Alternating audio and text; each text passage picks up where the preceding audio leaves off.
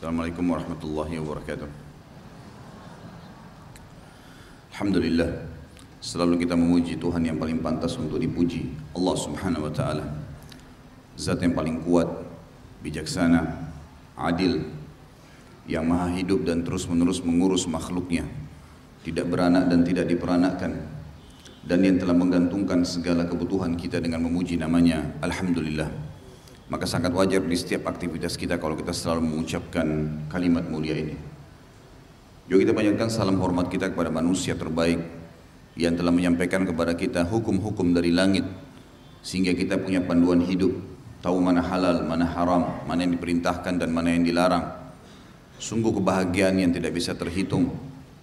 Manusia terbaik ini telah dipilih oleh Sang Pencipta Allah menjadi penutup risalah langit para rasul dan nabi dan juga dinobatkan menjadi pimpinan anak Adam pada hari kiamat dan orang yang paling pertama mengetuk pintu surga dan masuk ke dalamnya. Dialah Nabi besar Muhammad sallallahu alaihi wasallam. Melanjutkan bahasan tentang surga dan neraka namun sebelumnya tentu saya mohon maaf karena telat. Insya Allah menunggunya Bapak Ibu sekalian di majelis ilmu apalagi di rumahnya Allah tetap dicatat pahala oleh Allah Subhanahu wa taala. Bahasan tentang surga kita masuk pagi ini semoga Allah berkahi di pasal ketiga. Orang yang mula-mula dibukakan pintu surga untuknya. Disebutkan dalil yang pertama oleh penulis. Riwayat Imam Muslim Anas bin Malik radhiyallahu anhu meriwayatkan sabda Nabi sallallahu alaihi wasallam, "Ana aktsarun nasi tab'an yaumal qiyamah wa ana awwalu man yaqra'u babal jannah." Akulah manusia yang paling banyak pengikutnya pada hari kiamat. Dan akulah orang pertama yang mengetuk pintu surga.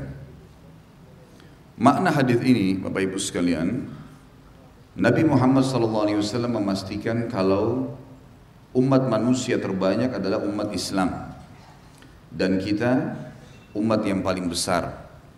Ini menandakan risalah yang dibawa oleh baginda Nabi SAW adalah risalah yang paling besar, yang paling benar, sehingga paling banyak pengikutnya. Dan beliau dari sisi lain juga menyuruh kita semua yang sudah jadi Muslim untuk menjadi atau memiliki andil dalam populasi orang-orang Muslim ini. Seperti misalnya dalam sabda beliau dalam hadis yang sahih, menikahlah dengan wanita yang wadudul walud, tazawwajul waludul walud. Menikahlah dengan wanita yang subur dan juga penyayang. Fa inni mukathirum bikum umam yaumal qiyamah. Karena aku sangat bangga dengan jumlah umatku yang banyak pada hari kiamat.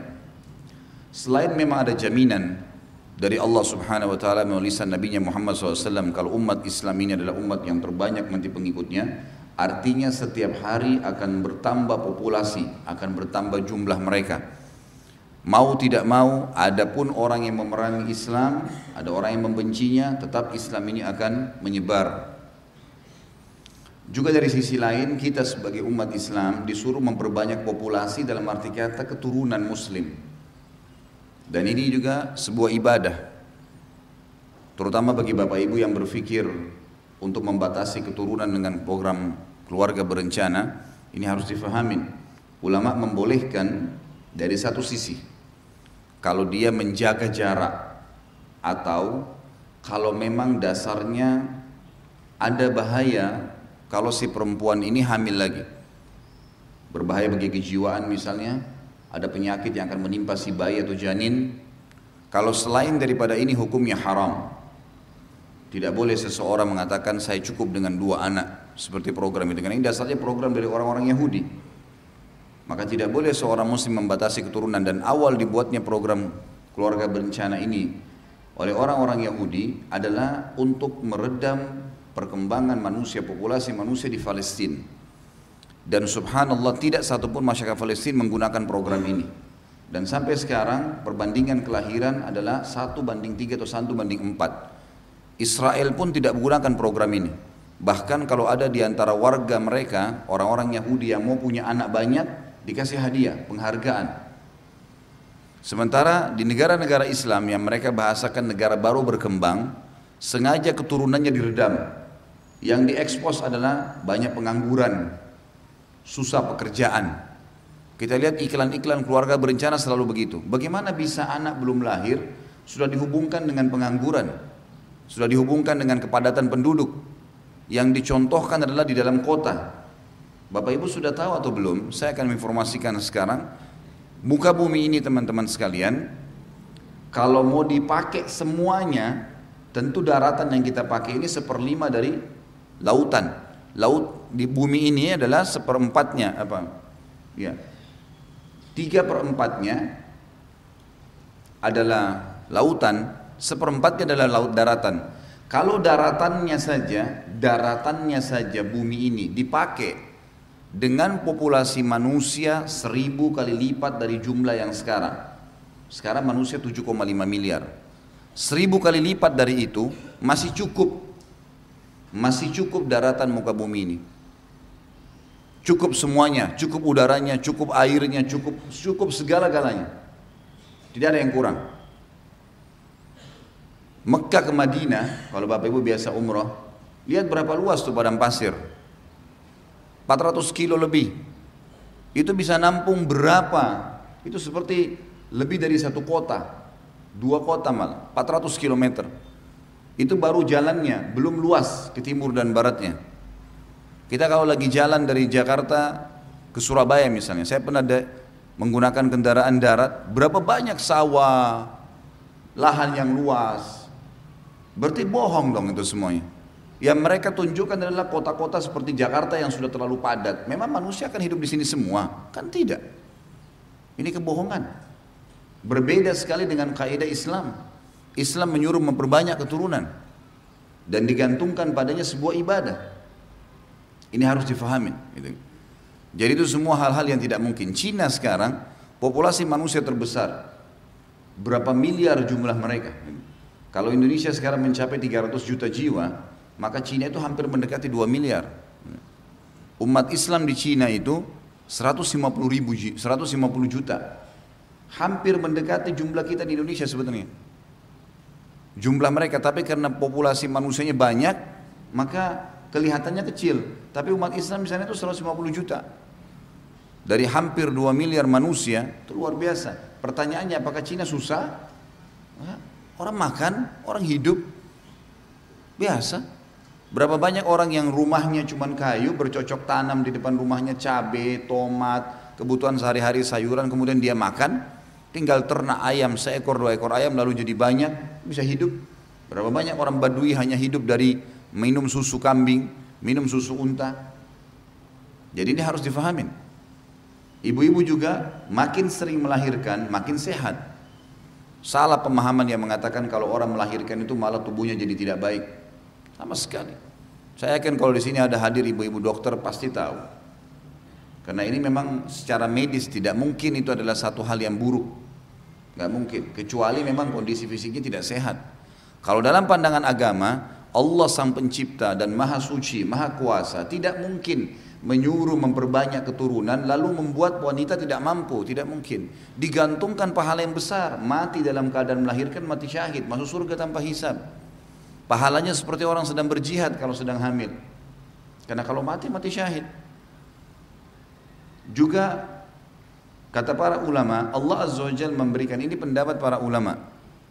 Saya tidak bicara dari sisi medisnya, Para ulama mengatakan Allah Azza wa Jal membuat di dalam perut wanita ada kantong rahim ya, dan ini nanti butuh peremajaan. Peremajaan yang paling sederhana adalah adanya haid setiap bulan.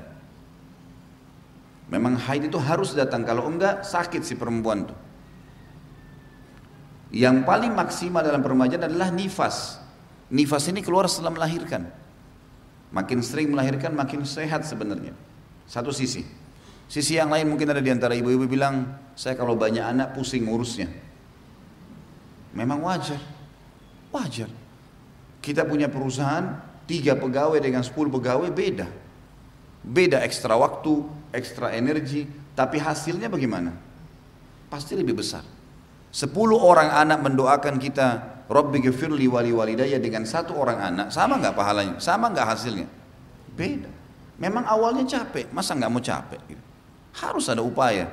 Tapi kalau jadi, bayangkan, jangan bayangkan 10 anak nakalnya, tapi bayangkan kalau 10 anak hafal Quran. Berapa banyak orang tua yang akhirnya memasukkan anaknya di pesantren, ikut tahfidz Quran dan berhasil? Berhasil. Banyak. Gitu kan. Tapi semua perintah agama pasti syaitan tidak inginkan. Ini kita bahas kenapa? Karena ada tersebutkan dalam hadis dan sekaligus juga mengubah persepsi sebagian muslimin dan muslimat laki-laki dan perempuan. Ada banyak bapak-bapak mengeluh istri saya sudah tidak mau hamil lagi padahal sehat. Ada juga yang mengeluh ibu-ibu, saya tahu ada hadis Nabi disuruh berbanyak anak tapi suami saya nggak mau, katanya nanti pusing. Nggak bisa, bukan alasan pusing. Kita ini sekarang memang pabrik manusia. Allah mengatur populasi manusia, perkembangan manusia ke depan memang melalui kita. Manusia inilah yang menikah, kemudian hamil punya anak. Dan tidak ada alasan. Secara tatanan sosial tadi saya sudah bilang, daratan ini cukup seribu kali lipat dari jumlah manusia sekarang. Tidak pernah tidak pernah habis itu cukup. Tumbuh-tumbuhannya, udaranya, airnya, segala macam. Cukup. Itu baru daratan ya. Kita belum bicara yang tiga per empat yang lautan. Kalau bisa di atas lautan orang tinggal buat daratan itu sudah luar biasa.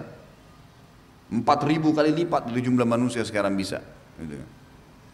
Jadi tidak ada alasan. Secara syar'i hamil ibadah, punya anak ibadah, dan hasilnya kalau kita memang sedikit menekan diri kita karena anak-anak aset amal jariah. Sekarang orang tua saya dengan izin Allah saya ceramah depan Bapak Ibu sekalian sebutkan ayat sebutkan hadis mereka mungkin lagi Ibu saya sudah meninggal Allah yarham. Ayah saya sekarang mungkin di Makassar lagi aktivitas entah apa yang beliau lakukan semoga Allah jaga. Tapi dapat pahala karena saya mengajar. Karena saya tumbuh dari nafkah ayah saya, tumbuh saya tumbuh dari asi ibu saya. Berapa banyak orang bisa dapat pahala dari anak-anaknya. Aset amal jariah. Makanya tinggal luangkan waktu mendidik. Lembaga pendidikan Islam yang benar, kita juga meluangkan waktu untuk itu. Di dalam hadis yang lain, itu sudah tidak saya bahas lagi, dalam hadis yang lain, Nabi SAW berkata, pernah aku diperlihatkan oleh uh, Allah SWT sebuah komunitas manusia di mahsyar. Komunitas manusia di mahsyar. Dan saking banyaknya kelihatannya seperti berwarna hitam. Lalu aku berharap itu adalah umatku. Lalu aku bertanya pada Jibril, Hai Jibril, siapakah mereka? Kata Jibril AS, itu adalah umatnya Musa. Lalu Aku diperlihatkan lagi komunitas yang lebih besar dari itu. Kurang lebih dua kali lipat. Lalu aku bertanya, aku berharap itu umatku. Siapa itu Jibril? Maka Jibril berkata, itu adalah pengikutnya Isa. Lalu kemudian aku diperlihatkan komunitas yang berlipat-lipat ganda dari itu semuanya dan aku berharap itu umatku kata aku Jibril siapa mereka maka Jibril berkata itu adalah umatmu ya memang kita jumlahnya besar Bapak Ibu sekalian kembali ke masalah anak tadi sedikit. Kalau seandainya Bapak Ibu memiliki anak yang banyak, Allah mudahkan untuk itu. Jangan ditolak karunia dari Allah. Karena mereka adalah hadiah. Dalam sebuah hadis dikatakan, anak kalian hadiah dari Allah. Kalau tidak salah riwayat Ibnu Majah hadis ini masih selisih ulama tentang kesahihannya tapi maknanya adalah Allah, uh, jagalah adillah di antara anak-anak kalian karena mereka hadiah dari Allah untuk kalian. Penghibur. Itu kurang lebih gambarannya dan kalau seandainya kita menjadi penyebab populasi manusia yang besar, berarti kita punya andil yang besar. Dan garis bawahi satu hal. Kita tugasnya hanya ikhtiar. Anak saya kemarin untuk sakit, istri saya sempat sedikit-sedikit sampai 14 hari di rumah sakit. Kemudian dia berkata, bagaimana kalau anak ini meninggal? Saya ngomong sama dia, saya bilang, kalau kamu sayang dengan anak ini, maka yang menciptakan anak ini lebih sayang. Kita tidak punya andil apa-apa. Anak ini lahir kita nggak pernah punya kesempatan untuk milih laki-laki atau perempuan, mau milih alisnya kah, matanya kah, bukan urusan kita. Keluar, ini anak kamu, mau sehat, mau sakit, mau putih, mau hitam, pokoknya ini anak kamu. Allah yang membuat sang pencipta ada variabel hukum sama kita. Berarti tugas kita cuma ikhtiar masuk dalam poin ini sama kalau pendidik mereka. Nggak usah terlalu khawatir nanti besar mereka jadi nakal bagaimana. Buktinya ada keponakan saya nakal. Nggak bisa disamaratakan. Bisa saja dia malah jadi ulama besar. Bukan mustahil. Gitu kan? Jadi kita harus tahu kita tidak usah terlalu terbebani dengan masalah anak-anak. Jalankan semampu kita. Ikhtiar selebihnya tawakal kepada Allah. Lalu lanjutan hadis yang jadi saksi bahasan kita dan akulah kata Nabi SAW orang yang pertama mengetuk pintu surga. Ini sesuai dengan judul kita. Tentu cukup banyak hadis-hadis Nabi SAW. Di antaranya kita akan bacakan hadis yang kedua ini Riwayat Imam Muslim. Dari Anas bin Malik juga radhiyallahu anhu, Nabi SAW bersabda, "Ati babal jannati yaumal qiyamah." فأستفتح فيقول الخازن من أنت فأقول محمد فيقول بك أمرت لا أفتح لأحد قبلك Aku akan mendatangi pintu surga pada hari kiamat untuk membukanya. maka penjaga pintu surga bertanya dari malaikat, siapakah kamu? Aku menjawab, aku Muhammad. Lalu ia mengatakan, kepadamu lah aku diperintahkan agar aku tidak membukanya untuk seorang pun sebelummu. Tentu cukup banyak sekali hadis-hadis Nabi SAW yang di di pasal ini ya. Di antaranya beliau mengatakan sallallahu alaihi wasallam akulah orang yang paling pertama mengetuk pintu surga dan surga itu diharamkan untuk nabi-nabi sebelum aku dan diharamkan untuk umat-umat sebelum umatku. Jadi memang kita termasuk orang yang pertama masuk surga dan juga Nabi SAW orang yang pertama mengetuk pintu surga. Kita masuk sekarang ke pasal keempat tentang masalah manusia yang mula-mula masuk ke dalam surga. Di dalam buku kita tidak disebutkan ayatnya, tapi kita akan buka di dalam surah Zumar ayat 73. Zumar surah nomor 39 ya. A'udzu billahi minasyaitonir rajim wasiqal ladzina taqaw rabbahum jannati zumara.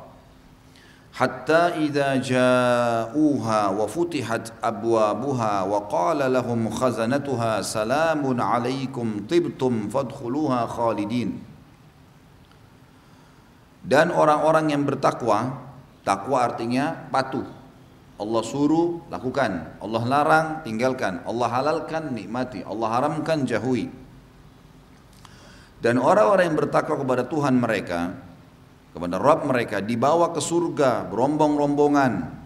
Sehingga apabila mereka sampai ke surga itu sedangkan pintu-pintunya telah terbuka dan berkatalah kepada mereka penjaga-penjaganya kesejahteraan dilimpahkan atas kalian saya pernah jelaskan sejahtera itu di atas eh, makmur masih di bawahnya sejahtera itu orang yang tidak pernah susah nggak bakal pernah ada kesusahan lagi Makanya salah satu sifat Allah itu maha sejahtera.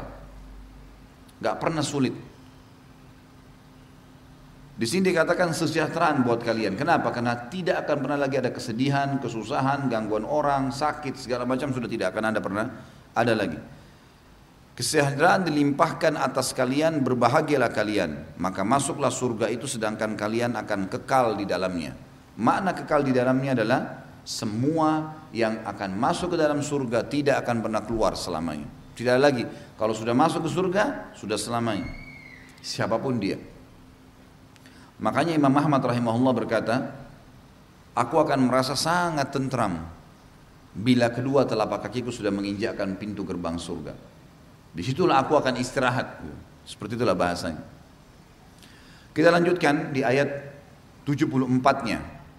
Karena ini relevansinya ada. Jadi saya bacakan ayat 74-nya.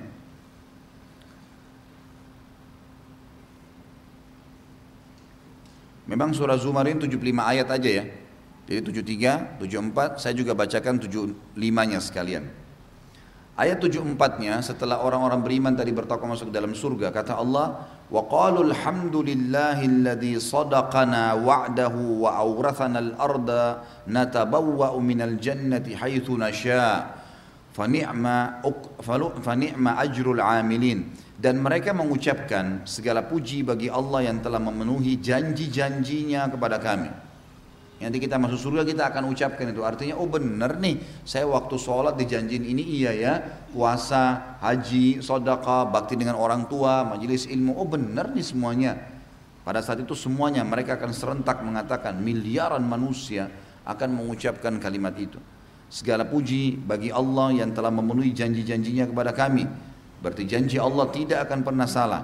Dan telah memberikan kepada kami tempat ini, surga sedang kami diperkenankan menempati tempat dalam surga di mana saja yang kami kehendaki istana-istana yang telah diberikan maka surga itu sebaik-baik balasan bagi orang-orang yang beramal. Ayat terakhir surah Az-Zumar وترى الملائكة حافين من حول العرش يسبحون بحمد ربهم وقضي بينهم بالحق وقيل الحمد لله رب العالمين dan kamu hai Muhammad akan melihat malaikat-malaikat berlingkar di sekitar arsh bertasbih sambil memuji Tuhannya dan diberi keputusan di antara hamba-hamba Allah dengan adil dan diucapkan segala puji bagi Allah Tuhan alam semesta. Waktu sudah masuk semuanya orang ke surga, sudah masuk semuanya orang ke neraka, sudah selesai semua, Nabi Muhammad SAW diperlihatkan ini oleh Allah.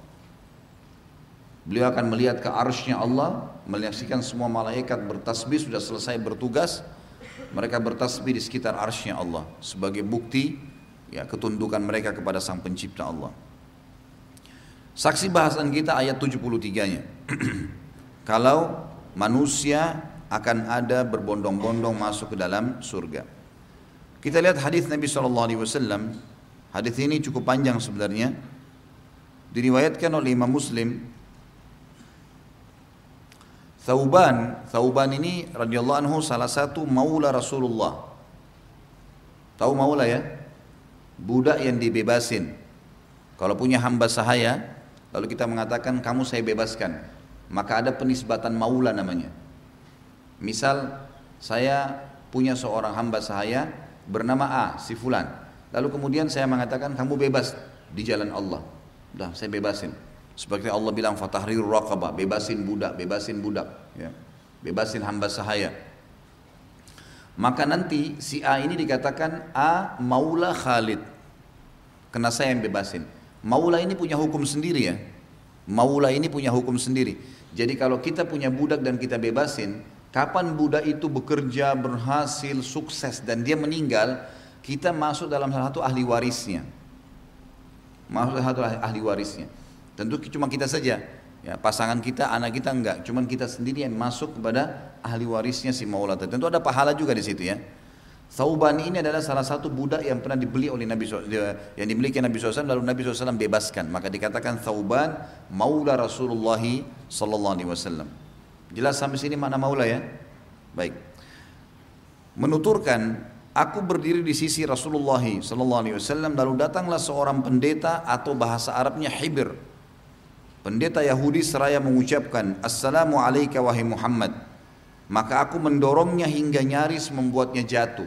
Siapa yang mendorong pendeta ini? Tauban. Ya, Tauban. Maulanya Nabi SAW tadi. Pendeta itu bertanya kepada Tauban, mengapa kau mendorongku? Lalu kata Tauban, mengapa kamu tidak mengucapkan wahai Rasulullah? Yahudi itu menjawab, kami hanya memanggilnya dengan namanya sebagaimana keluarganya biasa memanggilnya. Maka Rasulullah SAW berkata, namaku adalah Muhammad yang dengannya keluargaku memanggilku. Makna sampai kalimat ini boleh berarti seseorang muslim mengatakan siapa nama nabimu? Muhammad sallallahu alaihi wasallam tapi kita ikuti dengan salawat setelahnya dan itu bukan berarti tidak sopan karena memang Nabi SAW sendiri di sini mengatakan saya dipanggil di keluargaku Muhammad Sallallahu Alaihi Wasallam. Gitu kan? Jadi tidak aib. Jangan sampai tradisi kita di Indonesia yang terbiasa mungkin harus panggil Pak atau panggil apa sebelumnya itu kemudian ditarik. Sama halnya ini penting ya di garis bawahi. Salawat yang kita baca pada saat tahiyat Allahumma salli ala Muhammadin wa ala ali Muhammadin. Tidak ada sayyidina di sini. Lafat hadisnya tidak ada sayyidinanya. Allahumma salli ala Muhammadin wa ala ali Muhammadin kama sallaita ala Ibrahim wa ala ali Ibrahim. Innaka Hamidum Majid. Wa barik ala Muhammadin wa ala ali Muhammadin kama barakta ala ali Ibrahim wa ala ali Ibrahim. Innaka Hamidum Majid. Ada sebagian orang mengatakan nggak sopan nih harus pakai sayyidina. Nggak boleh saudaraku.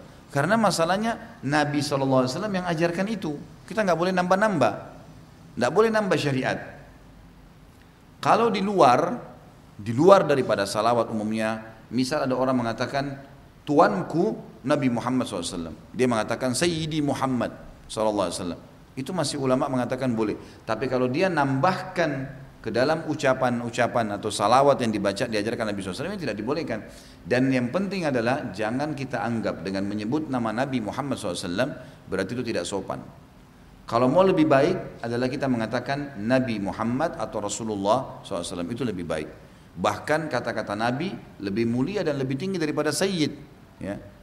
Karena Sayyid itu adalah tuan bisa dipanggil Misal dalam bahasa Arab itu kalau ada orang yang dihormatin, ada acara, ada seminar segala, dipanggil pembicara dikatakan, misalnya namanya Ahmad, dikatakan Sayyid Muhammad, eh Sayyid Ahmad misal.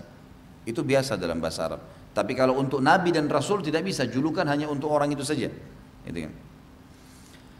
Yahudi itu berkata, saya lanjutin riwayatnya, aku datang padamu untuk bertanya kepada Nabi SAW.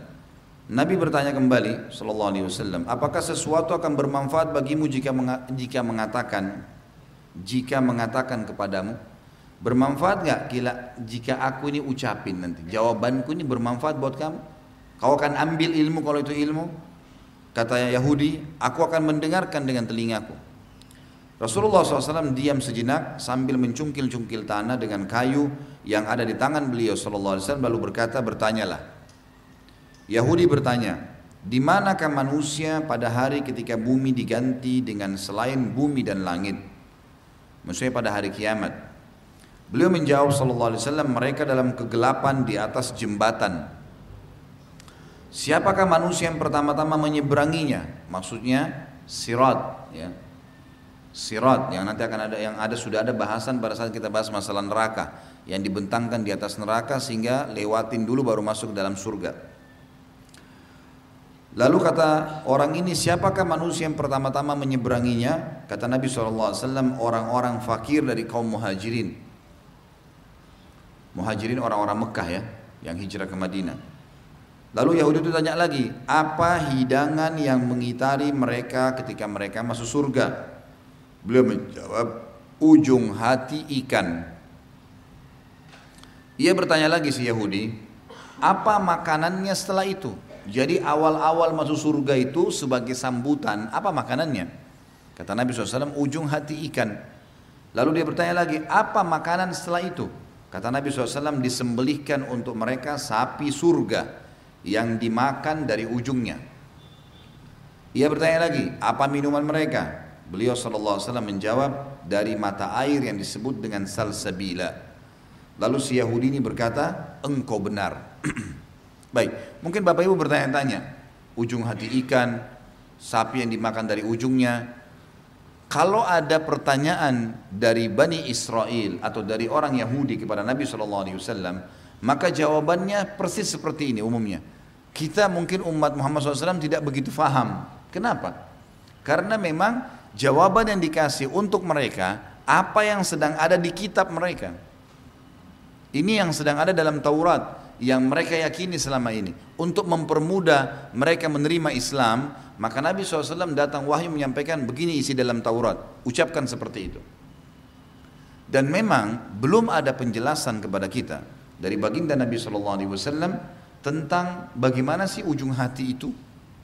Dan tidak perlu kita bayangkan. Ya. Allah Nabi SAW mengatakan diberikan hati ikan ya sudah hati ikan gitu kan Ikan apakah, seperti apa besarnya, rasanya seperti apa, Allahu alam. Kita cuma tahu mengimani, tugas kita mengimani. Kemudian juga sama sapi yang disembelih. Berarti ada proses penyembelihan di surga. Ah, iya, hadisnya begitu.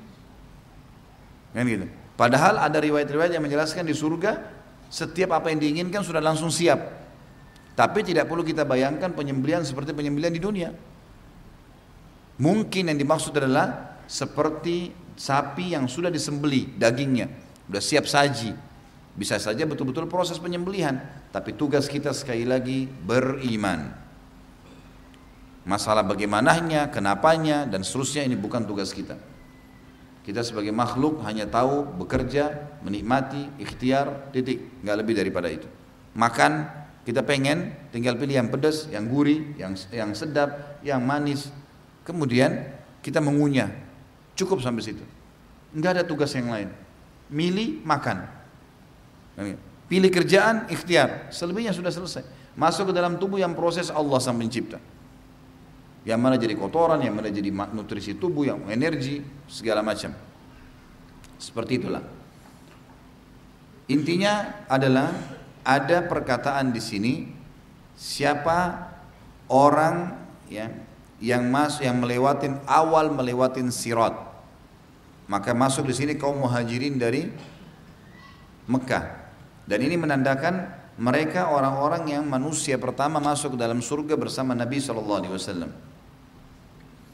Bersamaan maksudnya Nabi masuk mereka masuk lalu masuk yang lainnya semua. Dan ini juga ada fadilah khusus bagi sahabat-sahabat muhajirin yang hijrah dari Mekah ke Madinah. Dan ini masuk di dalamnya Abu Bakar, Umar, Uthman, Ali, Talha, Zubair. Ini semua adalah sahabat-sahabat Nabi yang dijamin masuk surga 10 orang itu umumnya dari muhajirin. Hadis selanjutnya adalah hadis riwayat Imam Tirmidzi dan dinilai hadis ini hasan sahih.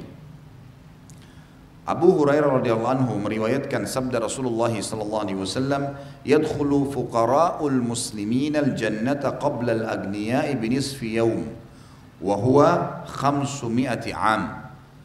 Kaum fakir muslimin masuk surga setengah hari sebelum orang-orang kaya, yakni 500 tahun.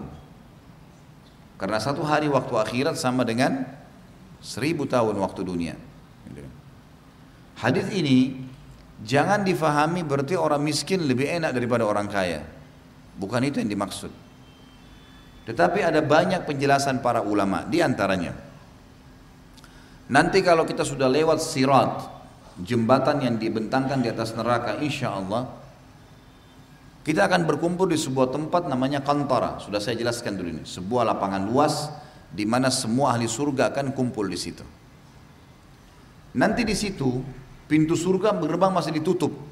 Nabi Muhammad SAW orang yang pertama mengetuk dan dibuka. Lalu kemudian beliau masuk bersama dengan umatnya. Tetapi di kantara ini ada proses, ada satu proses yang masih mesti diselesaikan. Apa itu? Walaupun sudah pasti kita masuk dalam surga. Bagi dua orang beriman yang punya masalah di timbangan amal tadi sebelum lewat sirat. Si A sama si B pernah bertengkar di dunia. Pernah menggibah, pernah memfitnah Si A pernah memfitnah si B, pernah menggibah dan seterusnya. Kemudian ketemu, tidak sempat minta maaf di dunia, di, di, di timbangan amal ketemu nih. Si B tuntut, ya Allah ini si A pernah gibah saya nih. Tidak minta maaf, diambil pahalanya si A, dikasih kepada si B. Si B lolos masuk surga. Timbangannya berat, karena dapat pahala juga tambahan dari si A. Si A ternyata setelah dipotong pahalanya karena gibah tadi, pahala yang tersisa cukup lolos surga. Berarti si A sama si B mana? Masuk surga. Kan gitu. Nah pada saat mereka masuk surga, pada saat mereka mau masuk surga, ketemu di kantara. Ini kan ada beban-beban ya. Tadi sudah saling tuntut di mizan, di timbangan amal. Maka kata Nabi SAW di sini hati mereka dibersihkan. Tidak ada lagi, tidak ada masuk surga ikuti dengan dendam, diikuti dengan tidak enak dan seterusnya ini sudah nggak ada lagi. Termasuk suami istri yang pernah bertengkar dan seterusnya dibersihin semuanya baru masuk ke dalam surga. Nah, Orang-orang kaya, kata sebagian ulama, biasanya banyak sangkutan-sangkutan. Itu sudah umum. Mungkin cicilannya banyak. Yang ketawa tahu diri ya.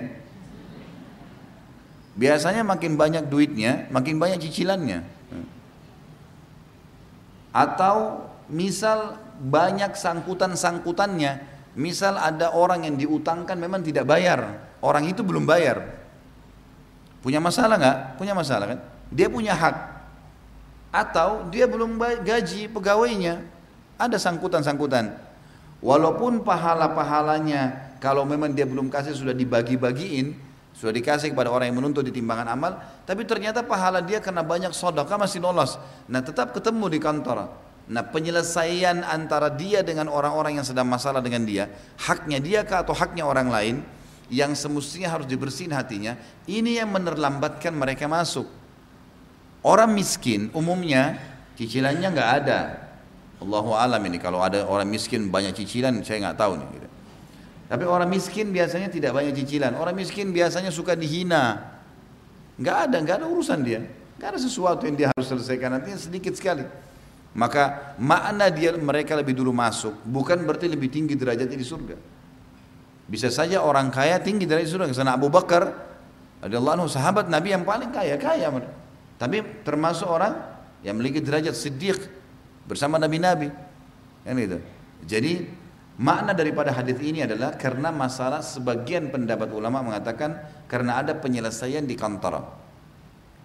Sehingga penyelesaian ini membutuhkan proses untuk masuk ke dalam surga. Telatnya di sini karena masalah itu saja. Tetapi mereka tetap akan masuk dulu semua setelah umat Islam masuk, umat Muhammad SAW masuk, barulah umat-umat yang lain masuk. Ini makna hadisnya. Jelas sampai sini? Baik. Walaupun tidak ada suara, nggak apa-apa. Hadis riwayat Tirmidzi dengan derajat hasan sahih. Hadis terakhir dalam pasal kita Abu Hurairah anhu meriwayatkan Rasulullah sallallahu alaihi wasallam bersabda, "Urida alayya awwalu thalathatin yadkhuluna al-jannah, syahidun wa 'afifun muta'affaf muta'affif wa 'afifun muta'affif wa 'abdun ahsana ibadat ibadatallahi wa nasaha limawali." Telah diperlihatkan kepadaku tiga golongan yang pertama-tama masuk dalam surga. Yang pertama adalah syahid orang mati syahid di surga. Ini Bapak Ibu sekalian jadikan sebagai target utama. Harus minta pada Allah berangan-angan mati syahid. Bagaimana Allah kasih urusannya Allah itu? Karena mati harus ter, pasti terjadi. Harus terjadi. Mati sebuah pintu. Tidak bisa orang menuju ke akhirat tanpa melewatinya. Mau kaya, mau miskin, mau susah, mau sakit, mau sehat, aku harus lewat. Nah, Allah pandu kita supaya mati terbaik. Mati terbaik adalah mati syahid. Tidak usah bayangkan, oh mati syahid nanti saya kena bom, atau saya nanti ditusuk, atau saya dipenggal. Itu semua tidak akan dilihat lagi. Kita tidak akan rasakan kalau ajal sudah datang. Orang mukmin harus menjadikan target hidupnya mati syahid. Umar bin Khattab radhiyallahu pernah mengatakan, "Ya Allah karuniakanlah aku mati syahid di kota Rasulmu." Ada dua hal yang dikejar oleh Umar radhiyallahu Mati dalam keadaan syahid dan juga mati di kota Nabi, karena mati di Madinah, di kota Nabi Muhammad SAW, di Madinah, punya fadilah sendiri. Karena ada hadis Nabi SAW yang berbunyi, siapa yang bisa meninggal di Madinah, meninggallah, suruh mati di Madinah. Tapi meninggal normal ya, bukan bunuh diri. Iya, karena pernah ada orang dari Indonesia itu loncat dari hotel, bunuh diri. Pernah terjadi. Ini salah faham. Maksudnya meninggal normal, berharap, minta kepada Allah, Umar bin Khattab minta itu. Maka Hafsah radhiyallahu anha, istri Nabi SAW dan juga anaknya Umar bin Khattab radhiyallahu anhu berkata, "Ya ayahku, bagaimana bisa Anda minta mati syahid sementara Anda tidak pergi berjihad dan juga Anda minta mati di kota Rasulullah? Itu belum tentu terjadi." Kata kata Umar, "Allah akan datangkan kalau Allah mau." Benar. Ditusuk oleh Abu Lu'lu orang Persia, ya, non muslim, kemudian meninggal di kota Nabi SAW. Di dalam sebuah hadis yang mulia, hadis riwayat Bukhari kata Nabi SAW, man talaba syahadat bisidq ballagahu Allahu manazil syuhada wa in mata ala firashi. Siapa yang betul-betul tulus mau mati syahid dari hatinya maka Allah akan sampaikan dia derajat syahid itu walaupun dia mati di atas ranjangnya. Asal tulus memang mau mati syahid berharap Allah kasih. Tidak perlu ada yang dikhawatirkan karena katanya pasti meninggal dunia. Ini orang yang pertama masuk surga setelah para nabi-nabi. Yang kedua adalah orang yang afif muta'affif. Ini orang yang memelihara diri dari minta-minta. Mulia jiwanya, nggak ngemis. Ini jiwa seorang mukmin harus tahu. nggak boleh ngemis.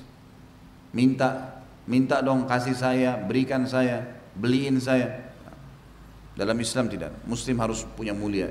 Kasih silakan. Minta enggak? Nggak ada minta.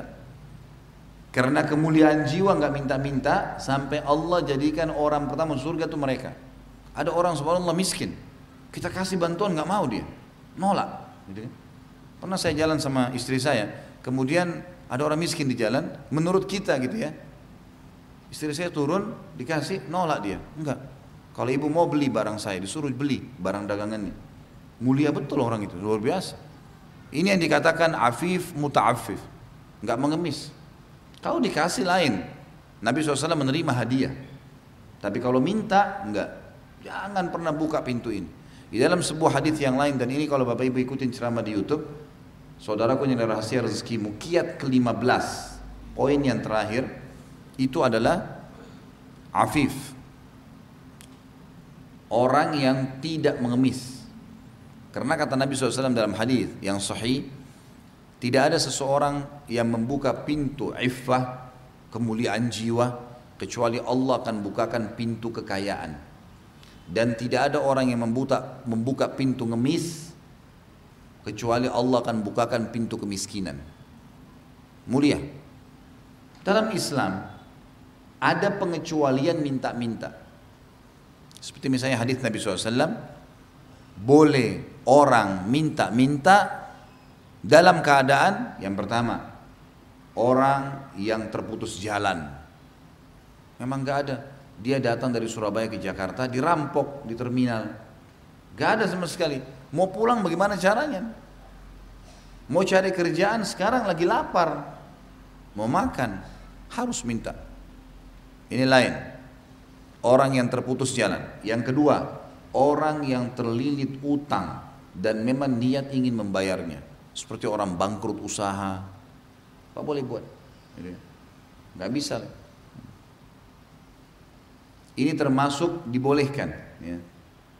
Dan yang ketiga adalah orang yang mau bersedekah tapi dia tidak punya, cuman dia tahu dia bisa. Misal Bapak Ibu di pengajian ini ada orang minta atau ada sebuah program yang kita sampaikan, ini ada sumur, ini ada ini, ini ada ini.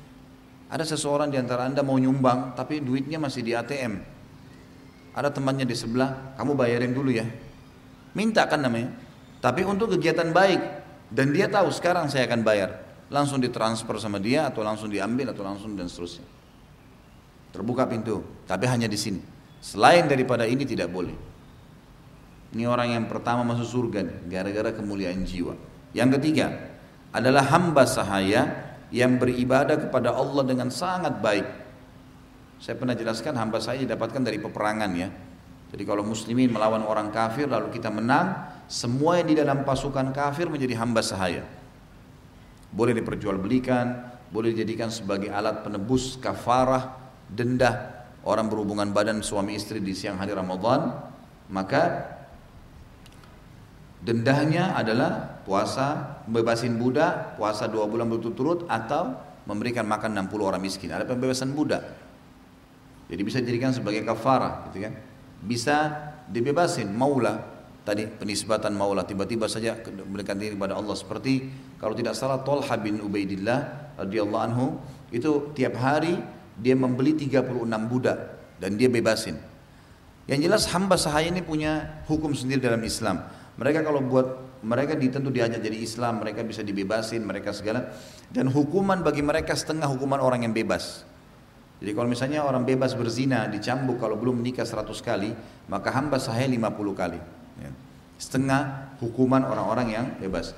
Hamba sahaya juga yang laki-laki itu bebas dari sholat Jumat. Sholat Jumat jadi sunnah bagi dia, bukan wajib. Karena dia harus melayani tuannya. Ini hukum-hukum syari dan ada sendiri tentunya di serial di YouTube Bapak Ibu bisa ikutin serial sahabat Salim Maula Abi Hudzaifah radhiyallahu anhu. Saya panjang lebar jelaskan tentang hukum-hukum hamba sahaya. Intinya, kalau hamba sahaya ini dimiliki oleh seseorang, lalu hamba sahaya ini beribadah dengan Allah dan juga dia menasehati tuannya kalau salah, maka ini fadilah sendiri di sisi Allah.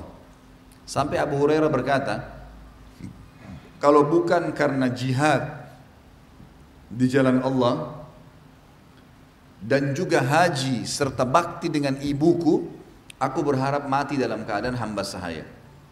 Karena dia kalau berbakti sama Allah, berbakti sama tuannya, udah masuk surga termasuk golongan pertama masuk surga. Tapi saksi bahasan kita adalah mereka ini orang-orang yang pertama masuk dalam surga. Pasal kelima, masuk ke surga ada sambutan yang meriah, Bapak Ibu sekalian. Sambutan. Bagaimana kalau kita masuk ke kantor atau kita masuk ke rumah, kemudian dibuat sebuah kejutan, ada sambutan meriah, orang menggembira. Intinya kita senang karena disambut. Masuk ke dalam surga ada sambutan dan yang nyambut ini bukan main-main. Malaikat yang banyak sekali jumlahnya. Dan nanti akan kita baca hadis-hadis ada menyebutkan nanti di pasal-pasal setelahnya tentang setiap mukmin di surga memiliki 10 ribu pelayan. Satu orang mukmin, Bapak Ibu punya 10 ribu pelayan di surga. Ini bukan main-main ini. Baik, dibacakan firman Allah SWT, saya akan bacakan surah Ibrahim ayat 23. A'udzu billahi minasyaitonir rajim. Wa udkhilal ladzina amanu wa 'amilus solihati jannatin tajri min tahtihal anharu khalidina fiha biidni rabbihim tahiyyatuhum fiha salam dan dimasukkanlah orang-orang yang beriman dan beramal soleh ke dalam surga yang mengalir di bawahnya sungai-sungai. Mereka kekal di dalamnya dengan seizin Rob mereka. Ucapan penghormatan mereka dalam surga ialah salam, keselamatan buat kalian. Selalu salam, keselamatan, keselamatan. Setiap ketemu malaikat, malaikat akan ucapkan itu. Kemudian firman Allah Subhanahu wa taala dibuka dalam surah Al-A'raf.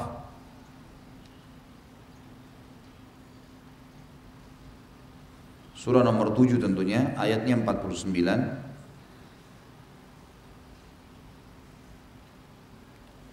A'udzu billahi minasyaitonir rajim. Ahaula'il ladzina aqsamtum la yanaluhumullahu birahmah. Udkhulul jannata la khaufun 'alaikum wa la antum tahzanun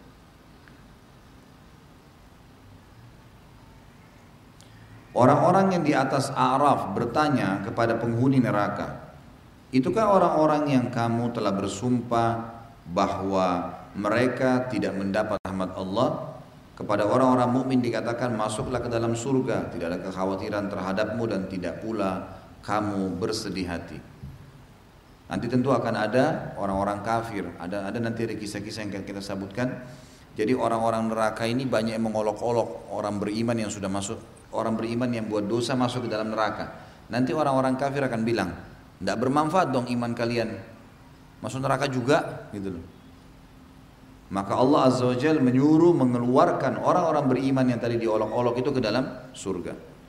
Salah satu dalil yang menjelaskan masalah itu adalah surah Al-A'raf tadi 49 ini. Nanti akan dikatakan kepada penghuni neraka yang mencaci maki tadi si mukmin itu, tidak manfaat iman kalian, toh masuk neraka juga sama dengan kami.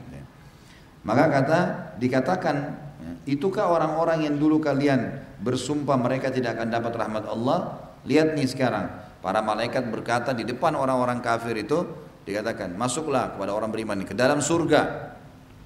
Ya, dan dikatakan kepada mereka, masuk dalam surga tidak ada kekhawatiran terhadap mereka dan tidak pula terhadap kalian dan tidak ada pula kalian bersedih hati. Artinya ini termasuk kata sambutan yang bagus. Kata sambutan yang bagus. Dalil yang kita bacakan ayat 50-nya sedikit saya tambahkan. Dalil yang menjelaskan kalau nanti penghuni surga akan lihat penghuni neraka dan ada interaksi di antara mereka tapi sebatas waktu-waktu yang Allah izinkan dan juga penghuni neraka akan lihat penghuni surga bahkan mereka bisa memanggilnya di waktu yang Allah izinkan saja adalah ayat 50 dari surah Al-A'raf tadi.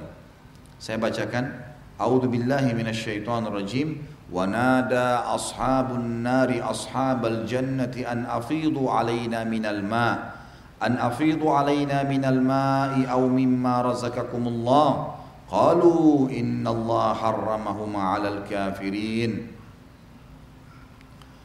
Dan penghuni neraka menyeru penghuni surga. Penghuni neraka manggil penghuni surga. Limpahkanlah kepada kami sedikit air atau makanan yang telah rezekikan Allah kepada kalian. Mereka penghuni surga berkata, sesungguhnya Allah telah mengharamkan keduanya, makanan dan minuman atas orang-orang kafir. Siapa mereka orang-orang kafir? Allah jelaskan dalam ayat 51-nya tentang masalah mereka yang suka menjadikan dunia ini sebagai target utama, habisin waktu di dunia, nggak ada ketaatan kepada Allah seperti itulah. Tapi saksi bahasan kita tadi ayat 49. Kemudian kita masuk ke surah An-Nahl. surah An-Nahl ini surah nomor 16 ayatnya 32 Allah Subhanahu wa taala berfirman A'udzu billahi minasyaitonir rajim Alladzina tatawaffahumul malaikatu tayyibina yaqulun الذين tatawaffahumul الملائكة طيبين يقولون سلام عليكم udkhulul الجنة بما كنتم تعملون الذين tatawaffahumul الملائكة طيبين يقولون سلام عليكم udkhulul الجنة بما كنتم تعملون yaitu orang-orang yang diwafatkan dalam keadaan baik bagi para malaikat dengan mengatakan kepada mereka salamun alaikum. Pada saat meninggal ruhnya dicabut, malaikat-malaikat itu akan mengatakan keselamatan buat kalian. Masuklah kalian ke dalam surga, yaitu disebabkan terhadap apa yang telah kalian kerjakan. Tentu ini ayat 32 ini sebenarnya ada hubungannya dengan ayat 31 ya. Yang berhubungan dengan masalah berita surga pada saat diberitakan tentang surga barulah disampaikan kalau ada kata sambutan. Baiklah. Kita pindah ke surah Al-Hijr. Surah nomor eh, maaf, eh, ayat 45 sampai 46 karena ayatnya sudah ditulis di sini. A'udzu billahi minasyaitonir rajim. Innal muttaqina fi jannatin wa 'uyun. Udkhuluha bisalamin aminin. Sesungguhnya orang-orang yang bertakwa itu berada dalam surga, taman-taman dan di dekat taman-taman tersebut banyak mata-mata air yang mengalir Dikatakan kepada mereka oleh para malaikat, masuklah ke dalamnya dengan sejahtera lagi aman. Ya ada sambutan-sambutan yang meriah. Kata ulama tafsir, sambutan ini non-stop ya. Selalu diucapkan oleh para malaikat. Setiap kali berpapasan, selalu diucapkan. Kita baca hadis Nabi SAW. Hadis Bukhari Muslim. Sahal bin Sa'ad radhiyallahu anhu menuturkan sabda Rasulullah SAW لا يدخلن الجنة من أمة سبعون ألفا أو سبعمية ألف متماسكون آخذ بعضهم ببعض لا يدخل أولهم حتى يدخل آخرهم وجوههم على صورة القمر ليلة البدر Sungguh akan masuk surga dari umatku 70 ribu orang atau 700 ribu yang saling berpegangan satu sama lain. Yang pertama tidak masuk hingga yang terakhir masuk. Wajah mereka laksana bulan malam purnama. Saksi bahasan kita di sini adanya 70 ribu dari umat yang masuk dan akan ada sambutan yang disampaikan oleh para malaikat kepada mereka. Di sini tentu yang dimaksud adalah sambutan adanya wajah mereka seperti ya, laksana bulan purnama. Ini masuk dalam bahasan yang diinginkan oleh penulis. Menurut beliau seperti itu. Kemudian kita lanjutkan hadis setelahnya adalah hadis riwayatkan oleh Imam Bukhari, Imam Muslim. Abu Hurairah meriwayatkan radhiyallahu anhu Sabda Rasulullah sallallahu alaihi wasallam inna awwala zumratin yadkhuluna jannata ala suratil qamari lailatal badr والذين يلونهم على أشد كوكب دري في السماء ضاءة لا يبولون ولا يتقوتون ولا يمتختون ولا يتفلون. أمشاتهم الذهب ورشحهم المسك ومجامرهم الألوة ألوة الأنجج أو أود الطيب. وأزواجهم الحور العين. العين أخلاقهم على أخلاقهم على خلق رجل واحد على صورة أبيهم آدم situna dhira'an fis sama wa fi riwayatin likulli minhum zawjatan yura mukhusukihima min wara'il laham minal husn la ikhtilafa bainahum wa la tabaghud qulubuhum qalbu rajulin wahid yusabbihuna Allah bukratan wa ashiya Rombongan yang paling pertama masuk ke dalam surga adalah mereka laksana bulan purnama. Semua kita termasuk insya Allah. Dan rombongan berikutnya adalah rupa mereka seperti atau laksana bintang yang bersinar sangat terang di langit. Mereka tidak buang air lagi, tidak buang air besar. Maksudnya tidak buang air kecil, tidak buang air besar. Tidak beringus dan tidak meludah, nggak ada lagi sakit.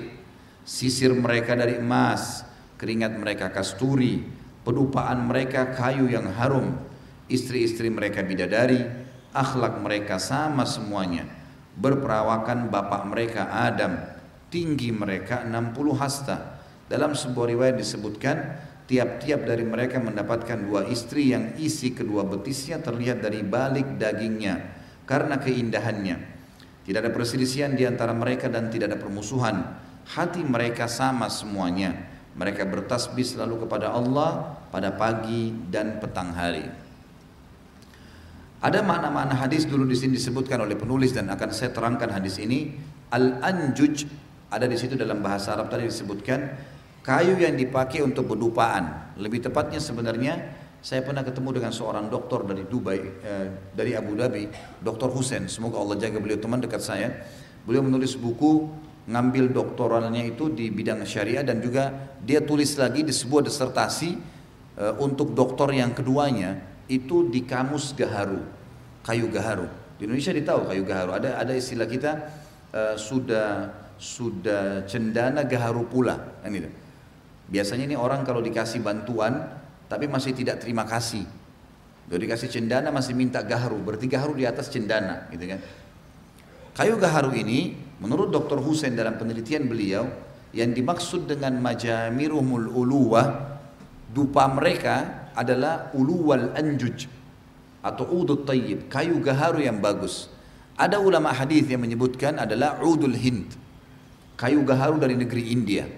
Dan subhanallah sekarang di Saudi di pasar Saudi Eh, di pasar negeri-negeri Arab kayu gaharu yang paling mahal minyak wangi yang paling mahal adalah kayu gaharu yang paling mahal dia bongkahan-bongkahan kayu yang dibakar gitu. Ya. dan ini uh, apa namanya yang dari India yang paling mahal karena India yang paling pertama dikenal dan ada beberapa asar disebutkan kalau Nabi SAW pernah menggunakan itu menggunakan sebagian minyaknya yang beliau letakkan di bagian rambut sehingga menetes dan kelihatan basah dari minyak uh, ut tadi dan ini yang membuat kenapa di negara-negara Timur Tengah harganya mahal. Saya sangat tahu masalah ini karena memang selain penerangan Dr. Hussein, dari tahun 2003 juga saya bekerja itu dan memang sempat mengekspor dari Indonesia ke Saudi. Alhamdulillah berjalan itu. Dan ini memang sebuah hal yang unik karena gaharu ini hanya masuk ke dalam uh, pohon tertentu dan membuat dia terbentuk seperti getah. Jadi kalau Bapak Ibu ketik di Google kayu gaharu akan keluar contoh-contohnya, ada pohonnya segala. Nah kayu ini teman-teman sekalian kalau sudah berumur 10 tahun minimal dia mirip seperti umur uh, jati emas kalau pohon jati itu mencapai uh, akan kemungkinan dikena virus itu. Virus ini entah apa, bahasa ilmiahnya orang mengatakan cuma virus saja. Masuk ke dalam pohon kemudian pohon itu jadi bergetah. Nah kalau dikerik pohon itu ternyata ada, ditebanglah dikeluarkan getah-getah itu. Lalu kemudian dalam bentuk bongkahan-bongkahan hitam dijual. Itu harganya sangat mahal, sangat mahal. Jadi sekarang itu kalau yang e, gaharu India di Saudi saja bisa satu kilo tidak kurang dari 150 ribu real. Jadi bisa mencapai sekitar 500 juta gitu. satu kilonya. Sangat mahal sekali. Nah ini juga memang e, disebutkan bahwasanya minyak wangi ahli surga adalah tadi uh, ulu uluwa al anjuj ya. Jadi ini berarti memang kayu gaharu. Kemudian makna daripada zumrah atau dikatakan di sini rombongan akan masuk secara berombong-rombongan ke dalam surga. Majamirumul alwa atau ulwa juga dikatakan kayu yang dipakai pedupaan. Kabarnya yang dibuat dengan pedupaan mereka adalah kayu yang sama. Maksudnya kalau kita kan di Indonesia apa di dunia di dunia ini kalau bakar dupa pasti pedupaannya sendiri tempat ditaruhnya arang atau tempat bakar itu kan berbeda jenisnya dengan dupa yang ditaruh. Kalau di surga pedupaannya sendiri sama jenisnya dengan dupa itu sendiri. Jadi kalau dibakar maka akan semuanya sampai habis pedupaan itu semuanya tetap akan wangi. Al-majamir bentuk jamak daripada majmarah atau tempat pedupaan disebut dengan majmarah karena bara diletakkan di dalamnya untuk meluapkan api yang diletakkan di dalam berupaan. Jadi majmar sebenarnya adalah batu api. Ini diistilahkan karena biasanya tradisi orang-orang kalau bakar dupa di pedupaan itu ditaruh arang, ya ditaruh arang. Di sini dikatakan mukhu suqihima tentang sifat bidadari tadi adalah sesuatu yang terdapat di dalam tulang. Kan tadi dikatakan masing-masing mereka memiliki dua orang istri dari bidadari yang tulangnya ya dari dalam tulangnya terlihat uh, apa namanya isi tulang makna daripada kalimat ini hadis adalah mukhusukihima adalah sesuatu yang terdapat di dalam tulang maksudnya menggambarkan sesuatu yang sangat bening bahwa apa yang ada dalam tulang tidak tertutup oleh tulang, daging dan kulit Kemudian yang terakhir, ini semua makna kalimatnya baru saya terangkan hadisnya. Kulubuhum qalbu rajulin wahid. Hati mereka seperti hati satu orang. Yakni tidak ada saling dengki di antara mereka dan tidak ada perselisihan karena hati mereka bersih dari akhlak yang tercela. Baik, kita masuk sekarang ke makna daripada hadis. Makna yang pertama, pelajaran pertama, adanya orang-orang yang pertama masuk surga dan mereka seperti ya, rupa atau laksana bulan purnama. Jadi seluruh dari rambut sampai kakinya bercahaya terang. Cuma bisa dilihat cahaya saja. Yang kedua yang masuk adalah seperti bintang-bintang di langit. Dan kata para ulama, golongan yang masuk surga hanya dua ini saja. Dalam arti kata begini saja keadaan mereka kalau bukan terang sekali seperti bulan atau mereka seperti bintang-bintang yang ada cahaya tapi tidak semua tubuhnya. Ini pelajaran pertama dari hadis. Pelajaran kedua yang kita ambil adalah tentang keadaan orang-orang di surga. Mereka tidak ada lagi buang air kecil dan buang air besar. Tidak ada WC, tidak ada kamar mandi. Mereka tidak membutuhkan itu semua. Allah Azza wa Jal dengan kemahamurahannya sudah menciptakan itu. Dan dalam hadis yang lain dikatakan makanan dan minuman yang mereka konsumsi yang tidak dibutuhkan oleh tubuhnya maka akan keluar dalam bentuk keringat dari tubuhnya itu pun lebih wangi dari bau kasturi. Juga mereka tidak akan pernah sakit, tidak ada beringus, tidak ada meludah. Enggak ada lagi. Ini semua tentu kelihatan kotor ya. Orang kalau membuang ingus, orang kalau meludah, semua manusia langsung merasa nggak nyaman. Maka di surga dipastikan tidak ada jorok lagi, nggak ada kotor-kotoran, tidak ada sakit sama sekali. Ini pelajaran yang kedua. Pelajaran yang ketiga, mereka diberikan pedupaan-pedupaan. Jadi ada minyak wangi di surga. Dan memang sudah saya jelaskan tadi, minyak wangi yang dimaksud adalah kayu gaharu. Dan memang ini sangat mahal. Tentu kalau orang-orang kita mungkin tidak terlalu suka karena ini bau kayu ya. Untuk untuk yang di dunia, di surga Allah alam pasti jauh lebih bagus gitu. Cuma di dunia tidak semua orang. Tapi di Saudi sekarang atau di negara-negara Arab, kalau ada orang yang lewat baunya hanya baru minyak wangi minyak wangi yang terkenal, yang menurut kita sudah mahal, itu biasa. Tapi kalau yang lewat bau gaharu itu berarti orang kaya raya. Karena mahalnya, gitu kan. Orang di Saudi itu lebih senang dikasih dua potong potongan gaharu daripada dikasih kunci mobil. Karena bisa saja dua potong itu lebih mahal dari harga mobil gitu. Yang jelas nanti di surga intinya dikasih wangi-wangian yang sangat luar biasa. Dan pelajaran yang terakhir adalah tentang adanya, maaf, pelajaran yang e, sebelum terakhir, yang keempat, adanya bidadari di surga. Dan bidadari dan di surga ini memang kehidupan sudah poligami. Bukan seperti di dunia. Ini hukum Allah. Keadaan akan ada pasangan bagi setiap penghuni surga minimal dua orang pasangan. Tetapi semua wanita ahli surga, semua wanita dunia yang beriman menjadi ahli surga, ibu-ibu, itu akan menjadi pemimpin para bidadari. Ada hadis yang menjelaskan masalah itu. Kalau wanita mukminah akan menjadi pemimpin seluruh eh, bidayang-dayang atau bidadari di surga. Tentu di surga ada bidadari, ada bidadara. Ada laki-laki, ada perempuan, ada laki-laki. Tapi yang bidadari ini memang selain melayani tuannya yang perempuan, juga mereka bisa menjadi pendamping yang laki-laki. Kalau bidadara, murni mereka melayani. Dan ini semuanya disebutkan dengan istilah wildanun mukhalladun. Wildan adalah anak-anak muda yang tampan-tampan yang disebutkan cirinya mereka seperti sebuah kerajaan dan membawa nampan-nampan yang siap melayani para penghuni surga itu. Disebutkan dalam hadis yang lain dan mungkin akan disebutkan dalam bab-bab setelahnya, wanita mukminah yang masuk ke dalam surga selain menjadi pemimpin bidadari, semua kelebihan surga dari kaum wanita itu akan dimiliki oleh pemimpin uh, ahli surga ini bidadari ini dan tidak dimiliki oleh bidadari. Seperti ciri misalnya disebutkan dalam hadis kalau seandainya wanita penghuni surga dari yang manusia biasa di dunia masuk surga kemudian dia turun diturunkan oleh Allah kembali ke bumi maka niscaya cahaya dari tubuhnya akan menerangi antara langit dan bumi dalam riwayat dalam riwayatnya juga dikatakan dan kalau kain yang di atas kepalanya terhempaskan, maka bau wanginya akan tercium di seluruh pelosok alam semesta ini. Bumi dan juga langit. Keadaannya sudah berbeda. Ini makna daripada itu. Kemudian juga makna yang lain atau pelajaran yang terakhir adalah tentang tidak ada lagi permusuhan, tidak ada lagi cemburu, tidak ada lagi permasalahan penyakit hati, habis semuanya di surga. Semuanya tinggal menikmati dan sudah yakin dengan keputusan Allah sehingga lisan mereka kata Nabi SAW hanya bertasbih kepada Allah di pagi dan siang di petang hari. Tentu di surga, Bapak Ibu sekalian, saya pernah jelaskan tidak ada lapar. Tidak ada lapar. Jadi kita makan karena menikmati. Tidak ada haus. Kita minum karena menikmati. Tidak ada ngantuk. Dan kita tidur karena kenikmatan. Tidak ada sesuatu yang membuat kita. Orang kalau lapar, makannya sudah nggak pikir enak atau enggak nasinya atau makanannya. Cuma tahu menghabisin saja laparnya hilang.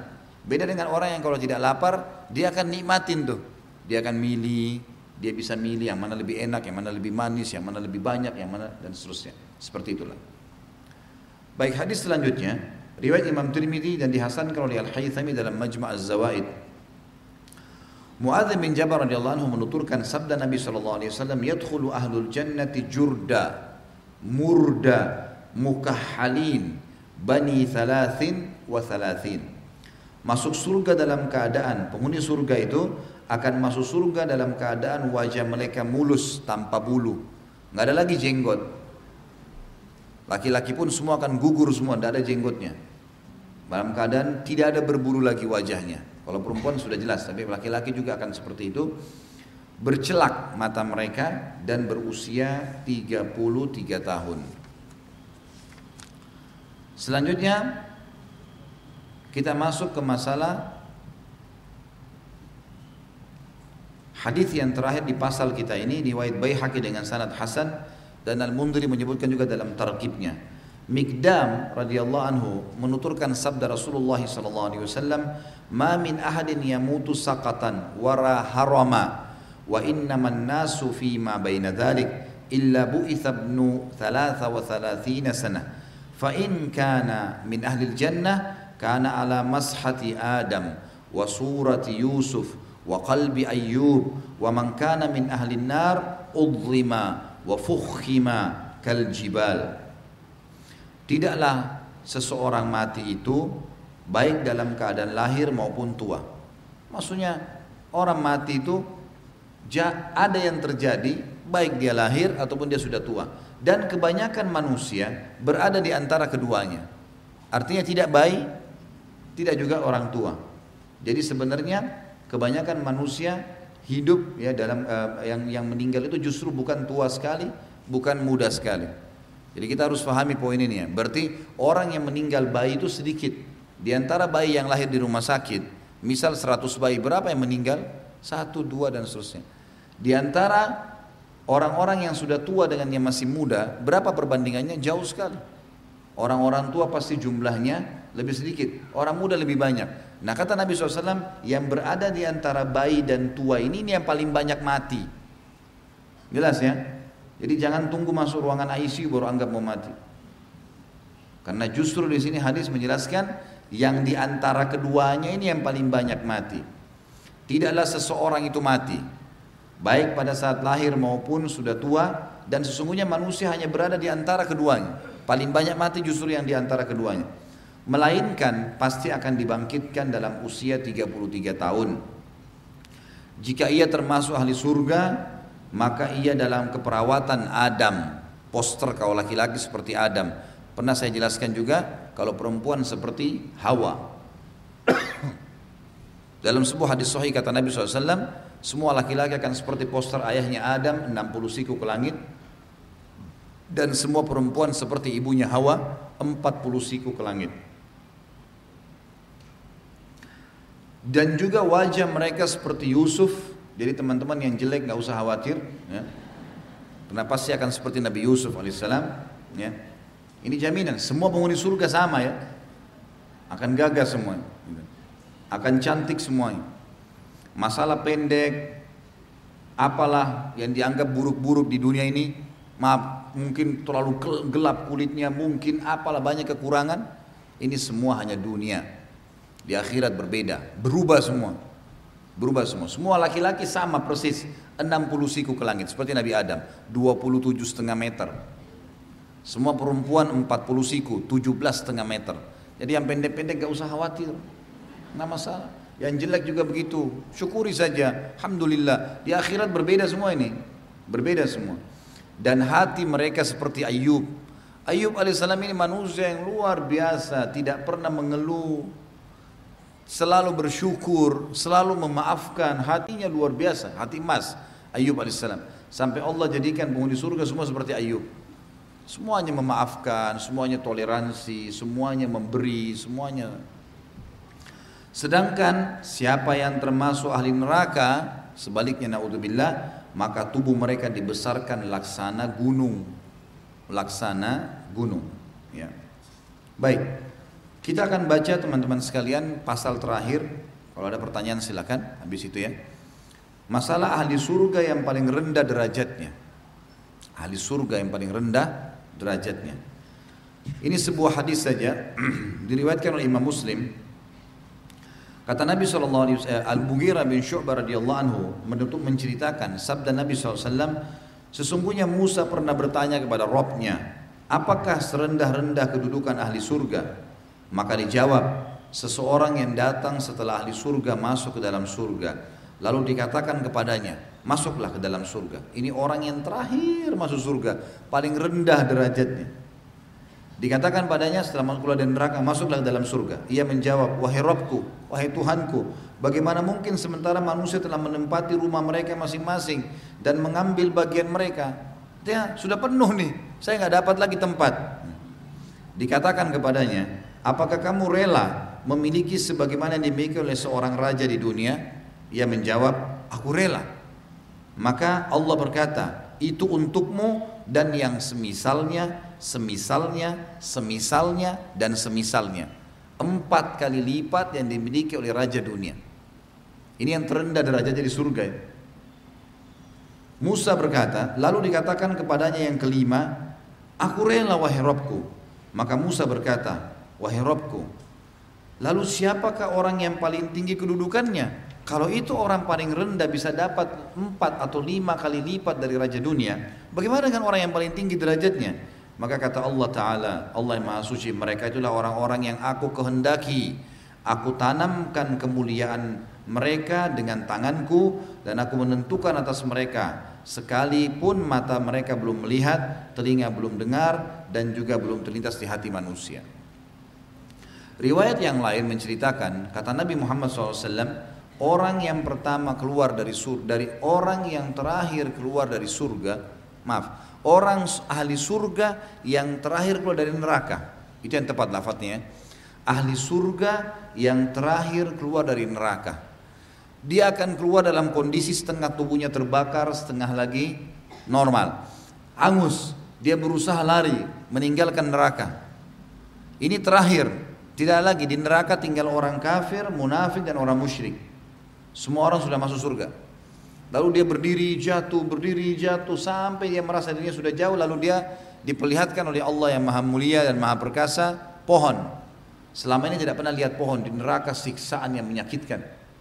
Lalu dia berkata, "Ya Allah, saya ingin pohon itu." Kata Allah kepada dia, "Apa kau akan minta yang lain?" Dia bilang, "Tidak, ya Allah." Kata Allah baik, diantar, diantar ke pohon itu. Dia merasa bagaimana sih kalau kita dalam kondisi kepanasan, terus kita dapat pohon rindang, nyaman. Ya. Dia beribu-ribu tahun ini tidak pernah rasain naungan. 24 jam siksaan semua, tidak ada kematian. Api lah, cambukan lah, cincangan lah, segala macam. Maka dia rasa nikmat. Gak lama kemudian Allah Azza Jalla perlihatkan kepada dia pohon yang ada buahnya, ada kuala airnya. Tadi cuma pohon saja. Maka dia tertarik, tapi dia sudah malu sama Allah. Dia janji tidak mau minta lagi. Cuma manusia tergoda. Ya Allah pohon dan buah itu pohon buah itu dan airnya. Kata Allah SWT kan kamu sudah janji gak mau minta. Ya Allah pohon sama air, gak minta yang lain lagi. Baiklah, diantar ke sana. Makan, minum, puas. Dan kata Nabi SAW dia menganggap dirinya orang yang paling besar nikmatnya Allah padanya. Padahal ini orang yang paling rendah di surga nanti. Lalu setelah dia nikmatin itu Allah bukakan dari kejauhan pintu gerbang surga tercium bau wanginya, dilihat orang-orang di surga pakai baju mewah, segala macam nikmat. Allah perlihatkan dia. Dia tertarik, tapi dia sudah janji sama Allah tidak mau minta tadi. Tapi ini surga. Lalu dia ucapin, ya Allah surgamu, saya nggak minta yang lain. Tadi sudah janji, surga ya Allah, nggak minta yang lain. Kata Allah, hai anak Adam, tidak ada yang membuatmu puas. Apa kamu puas? Kalau saya berikan kamu seperti yang dimiliki raja terkayanya dunia. Siapa dia? Sulaiman alaihissalam. Sulaiman nabi dan raja terkaya. Karena dia minta kerajaan tidak layak untuk orang sebelum dan sesudahnya. Sulaiman kalau jalan terbang dengan angin alaihissalam. Angin yang membawanya. Gitu kan? Bisa bicara sama hewan, bisa bicara sama jin, banyak luar biasa kelebihan yang Allah kasih. Ringkas cerita, apa kau ridho? Dia bilang iya, saya ridho ya Allah. Kalau Allah bilang kau akan dapat yang semisalnya. Dia bilang saya ridho ya Allah. Engkau akan dapat semisalnya. Saya ridho ya Allah. Sampai sepuluh kali. Kalau hadis tadi ini kan empat kali, lima kali. Hadis yang tadi yang sekarang saya sebutkan sepuluh kali Allah bilang dan kau akan dapat semisalnya. Yang kesepuluhnya Allah bilang kau akan dapat semisalnya orang ini saking gembiranya dia mengatakan ya Allah kau hambaku dan saya Tuhanmu.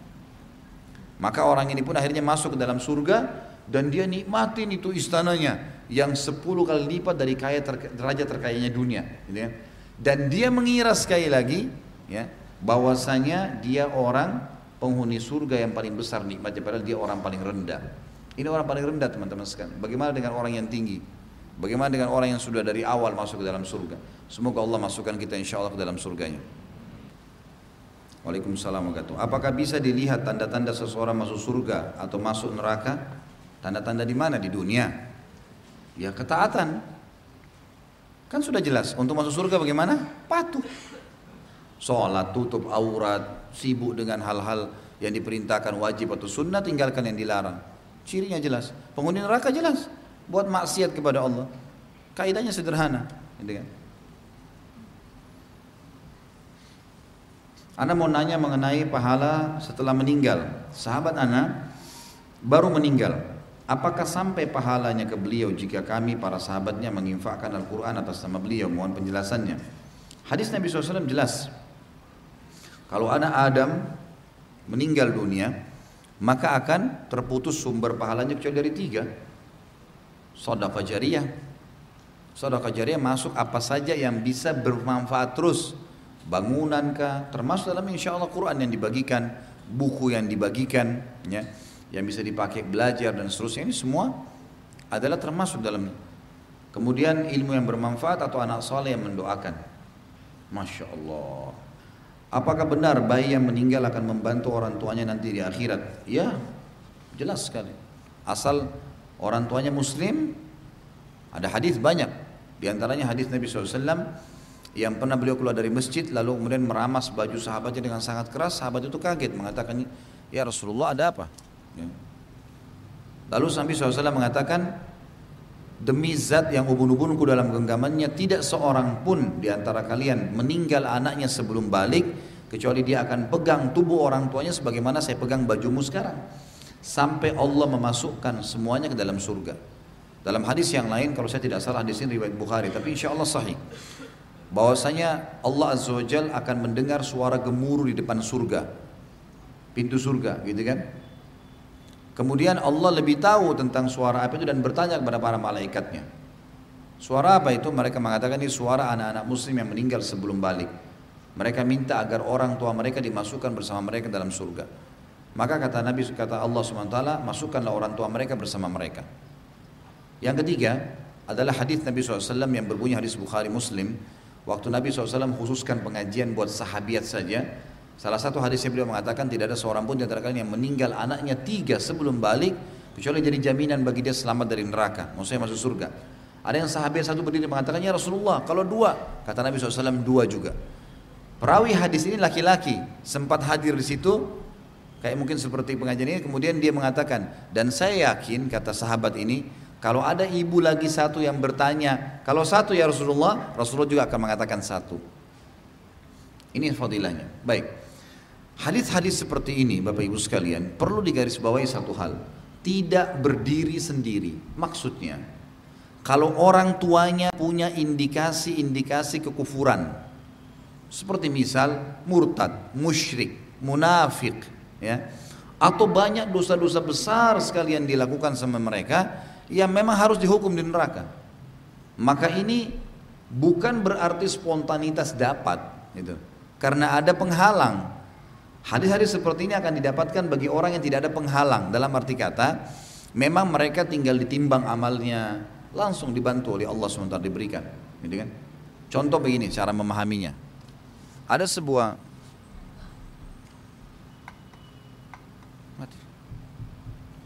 Ada sebuah hadis yang berbunyi misalnya, siapa yang menjaga empat rakaat sebelum duhur, sunnah, dan empat rakaat sesudah duhur.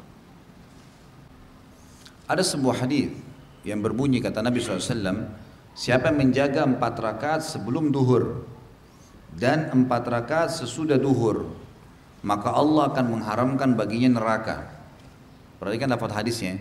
Baik, Pertanyaan adalah, bagaimana kalau ada orang sholat sunnah, qobliyah duhur dan ba'diyah duhur tapi tidak sholat duhur? Hah? Gimana? Udah faham maksudnya ya? Alhamdulillah. Ada hadis yang berbunyi tempatmu di surga, ada yang ada pada akhir ayat yang dibaca. Maksudnya apa Ustaz? Ayat terakhir yang dihafal atau yang dibaca? Yang dibaca. Hadis ini menyebutkan tentang fadilah pembaca Al-Quran. Ada orang yang Masya Allah maniak. Selalu baca khatam-khatam, kembali khatam. Ini sunnah Nabi ya. Tanda kutip sini maniaknya. Maksudnya dia luar biasa. Dia luar biasa mau selalu menghatam Al-Quran. Ini penting. Makanya para sahabat per tiga hari sekali khatam. Tujuh hari sekali khatam. Mereka khatam. Nah orang yang sering menghatam dapat fadilah ini. Di akhir nanti pas sudah tiba di pintu gerbang surga. Nanti ada hadisnya itu. Ada bahasan sendiri kita akan bahas nanti di pasal sendiri Hadis yang berbunyi pada saat mereka sudah tiba di pintu surga Allah akan suruh yang sering baca Quran suruh baca kembali. Baca sama dia. Ada ulama sebagian mengatakan hafal, tapi umumnya ulama mengatakan bacaan. Dia baca setiap satu ayat satu derajat. Sampai tiba di surga tertinggi, barulah Allah SWT mengatakan berhentilah, ini tempatmu, ya tempatmu di akhir ayat yang kamu baca. Maksudnya dia terus baca ayat sampai tiba di derajat, karena Allah ingin dia sampai ke derajat tertinggi saja. Tapi membuktikan kepada orang kalau Al-Quran itu mulia, maka dengan bacaan Al-Quran dia bisa ditinggikan derajatnya. Itu maksudnya. Pertanyaan urgen, semuanya merasa urgen ya. Nih. Sebentar lagi mendekati lebaran, biasanya apa ini? Kampung Ana ada acara silaturahim keliling. Yang Ana mau tanyakan Ustaz, bagaimana hukum sungkeman kepada orang-orang tua atau orang dituakan di kampung Ana dan jabatan tengah kepada semua orang atau tradisi. Bagaimana juga hukuman sungkeman kepada kedua orang tua. Lebih baik dihindari ya. Karena ada urusan tunduk, ruku ini yang memang gerakan ibadah hanya kepada Allah. Salah mana orang tua boleh kita cium tangan nggak masalah. Kalau tujuannya cium tangan, menundukkan kepala nggak masalah. Tapi kalau untuk menundukkan kepala sampai ke dekat kaki segala ini lebih baik dihindari. Karena pernah Muadz bin Jabal radhiyallahu anhu dalam hadis Bukhari pulang dari Yaman, ini dai-nya Nabi. Begitu tiba Nabi turun dari untanya dari Yaman, lihat Nabi SAW itu langsung turun dari unta langsung sujud depan kaki Nabi. Kalau kita mungkin sungkeman itu ya. Kata Nabi SAW, kenapa Muadz kau lakukan? Ya Rasulullah, semua orang di Yaman kalau menokohkan satu orang, pasti dia lakukan ini. Kata Nabi SAW, tidak hai Muadz. Kalau seandainya boleh orang sujud selain Allah, saya akan suruh istri sujud pada suaminya. Berarti nggak ada itu dalam Islam. Lebih baik dihindari. Sama halnya menjelang puasa, saling maaf memaafkan. Dari mana ini? Maaf memaafkan itu setiap hari. Bapak Ibu jangan tidur malam ini kecuali sudah minta maaf sama semua orang yang pernah kita buat salah. Bisa mati besok. Nggak ada hubungannya sama Ramadan. Bergembira dengan datangnya Ramadan, iya. Nabi SAW kalau tiba Ramadan mengatakan dalam hadis yang sahih, telah tiba kepada kalian bulan yang penuh dengan berkah, rahmah, gitu kan? Dan juga dibuka semua pintu surga, ditutup pintu neraka, dibelenggu semua syaitan-syaitan. Perlihatkan yang terbaik dari diri kalian karena kepada Allah, karena Allah akan membanggakan kalian? Orang yang rugi adalah orang yang mendapatkan Ramadan dan kemudian Ramadan pergi sementara dia belum diampuni. Itu ada memang bahasannya. Insya Allah kalau tidak ada halangan nanti Selasa akan datang saya bahas masalah Ramadan. Ya, mau? Bapak-bapak tidak mau semua. Bagaimana dengan wanita yang ditakdirkan tidak mempunyai keturunan? Apa ganjaran pahala bagi wanita muslim yang tidak diberi keturunan?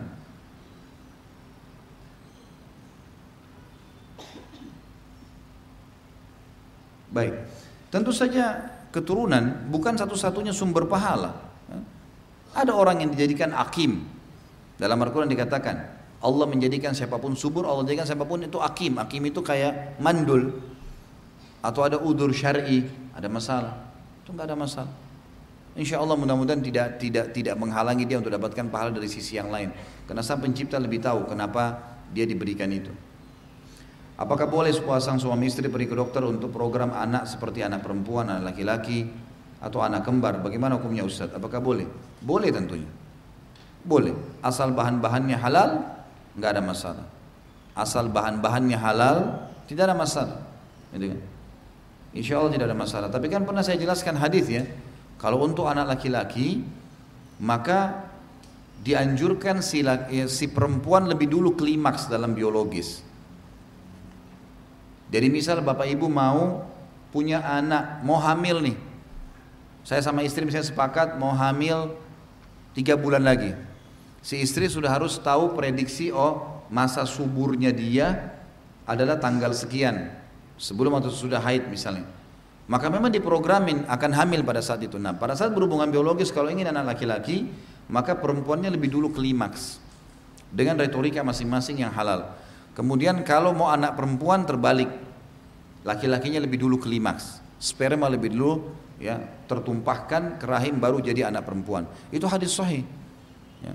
karena pernah ada seorang pendeta Yahudi datang mengatakan ya Hai Muhammad saya akan tanya kepadamu tiga hal kalau kamu jawab kamu nabi. Kata Nabi SAW silahkan. Lalu pertanyaan ketiganya adalah nanti akan ada bahasan kita itu.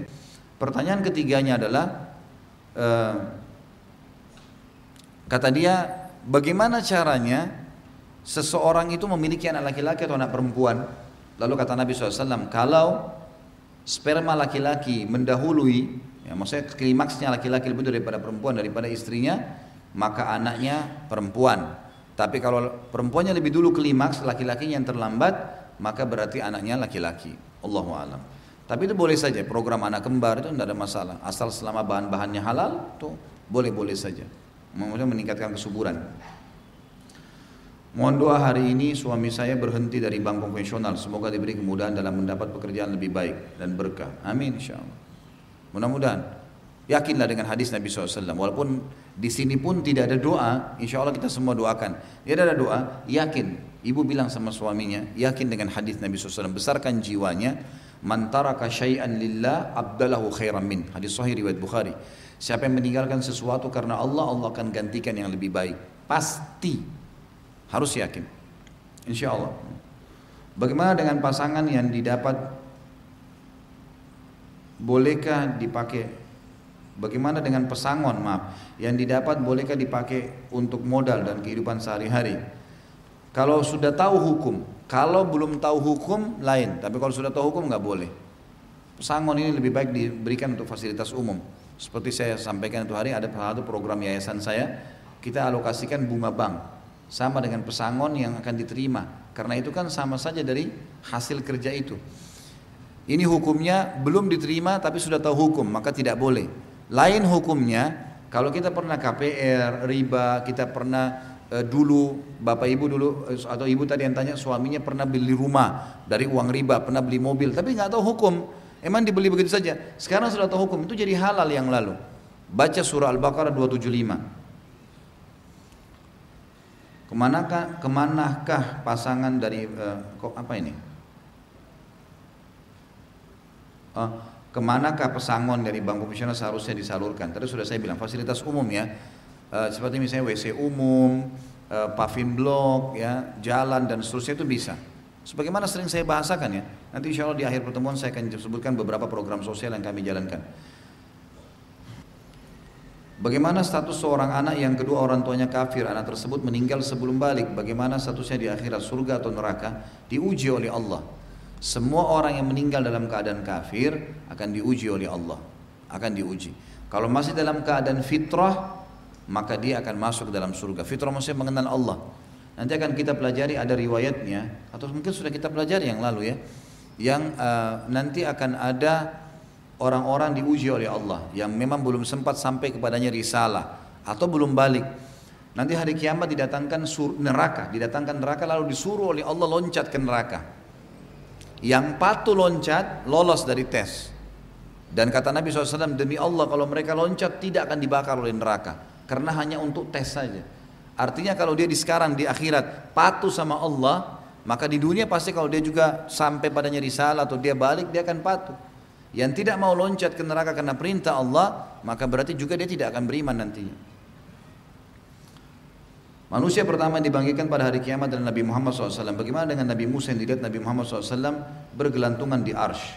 Bukan bergelantungan di arsh tapi sudah berada gitu kan di sekitar arsh Allah alam seperti itu hadisnya ini tetap ulama mengatakan kembali kepada lafadz hadis Nabi SAW lafadz hadis Nabi mengatakan akulah orang yang paling pertama dibukakan kuburan ya, dibelahkan bumi kemudian dibangkitkan lalu aku menemukan Musa ya menemukan Musa makna aku menemukan Musa berada di sekitar arsh Bukan berarti Musa lebih dulu daripada Nabi Muhammad SAW. Bisa berarti waktu Nabi SAW keluar, lalu Nabi keluar di mahsyar, lalu Nabi menemukan orang pertama adalah Musa AS setelah beliau, gitu kan? Jadi Musa datang setelah Nabi Muhammad SAW. Itu makna yang lebih tepat. Ustaz di ceramah, di ceramah antum tadi seorang muslim tidak boleh minta-minta atau mengemis. Kalau seseorang meminta pekerjaan kepada orang lain, apakah itu termasuk mengemis? Bukan, bukan itu maksudnya. Itu bukan mengemis namanya kalau minta pekerjaan. Saya mau kerja, melamar kerja itu kan meminta juga. Itu tidak masuk gitu. Yang dimaksud sini memang ngemis. Ngemis apa sih? Tidak mau, nggak mau kerja. Mau jadikan itu sebagai profesinya saja. Allahu alam, itu yang dimaksud. Baik sampai sini saja Bapak Ibu sekalian yang kita bahas insya Allah bermanfaat. Kemudian juga saya mengajak ya, apa namanya kepada Bapak Ibu tetap mendatangi web resmi di www.khalidbasalama.com dan kalau nonton di YouTube tolong diberikan like-nya didukung kemudian juga di subscribe langganan dan juga bisa di share kepada orang-orang yang bermanfaat kalau memang berasa bermanfaat gitu. Kemudian juga untuk program-program sosial tetap berjalan dan yang terbaru adalah kalau Bapak Ibu ingin ikut program terbaru untuk Ramadan itu kami selalu setiap Ramadan membagi menebar kurma ke semua masjid-masjid yang terjangkau. Satu dus kurma isi 10 kilo itu kurang lebih 500 ribu rupiah. Ini bukan transaksi jual beli ya. Penyebutan seperti ini bukan transaksi karena saya dengar sekarang ada lagi yang mengatakan Khalid Basalamah telah di masjid. Ini ada-ada saja ini. Saya menyebutkan ini sama bukan orang bilang ayo bayar sekarang bukan. Menyampaikan tentang program masjid kalau dibangun 3 juta setengah per meter persegi. Informasi bukan transaksi jual beli. Kan? Seperti itulah, satu dus kurma itu memang ada sekitar 500 ribu rupiah, itu silakan disebar, 10 kilo isinya, curahan biasa dikasih ke masjid. Pengalaman kami yang lalu-lalu kami sebarin sampai Masya Allah ratusan mungkin sampai ribuan dus. Memang di beberapa masjid ada jemaah yang mau bagi di masjid dekat rumahnya sendiri, ada juga yang melalui kami alokasikan di beberapa wilayah di Indonesia. Satu dus itu bisa 10 kilo dan kalau satu masjid 50 orang buka puasa, dikasih satu orang tiga butir kurma, itu bisa satu minggu. Berarti satu masjid itu kalau 50 orang buka puasa cukup 4 dus. Sudah bisa untuk diberikan kepada mereka. Dan kenapa kita pilih kurma? Karena kurma adalah sunnah Nabi SAW yang dianjurkan pertama buka puasa untuk memakannya. Ya kan? Kemudian juga program-program yang lain seperti ada pembangunan masjid, ada gali sumur yang sudah sering saya sebutkan dan juga ada lokasi zakat mal bagi Bapak Ibu biasa Ramadan mau menghasilkan zakat mal bisa melalui kami, kemudian juga alokasi bunga bank atau tadi hal-hal yang riba yang memang kami alokasikan ke fasilitas umum. Allahu alam. Mungkin begitu dan sebagai penutup bahasan uh, program sosial adalah adanya Islamic Center. Bagi Bapak Ibu yang sudah masuk di Play Store dan ikutin di uh, di situ ada KHB logo saya, ada tulisan Islamic Center bagi yang ingin menyumbang juga ada nomor rekening muamalat di situ yang akan kami bebaskan tentunya mudah-mudahan Allah SWT memudahkan.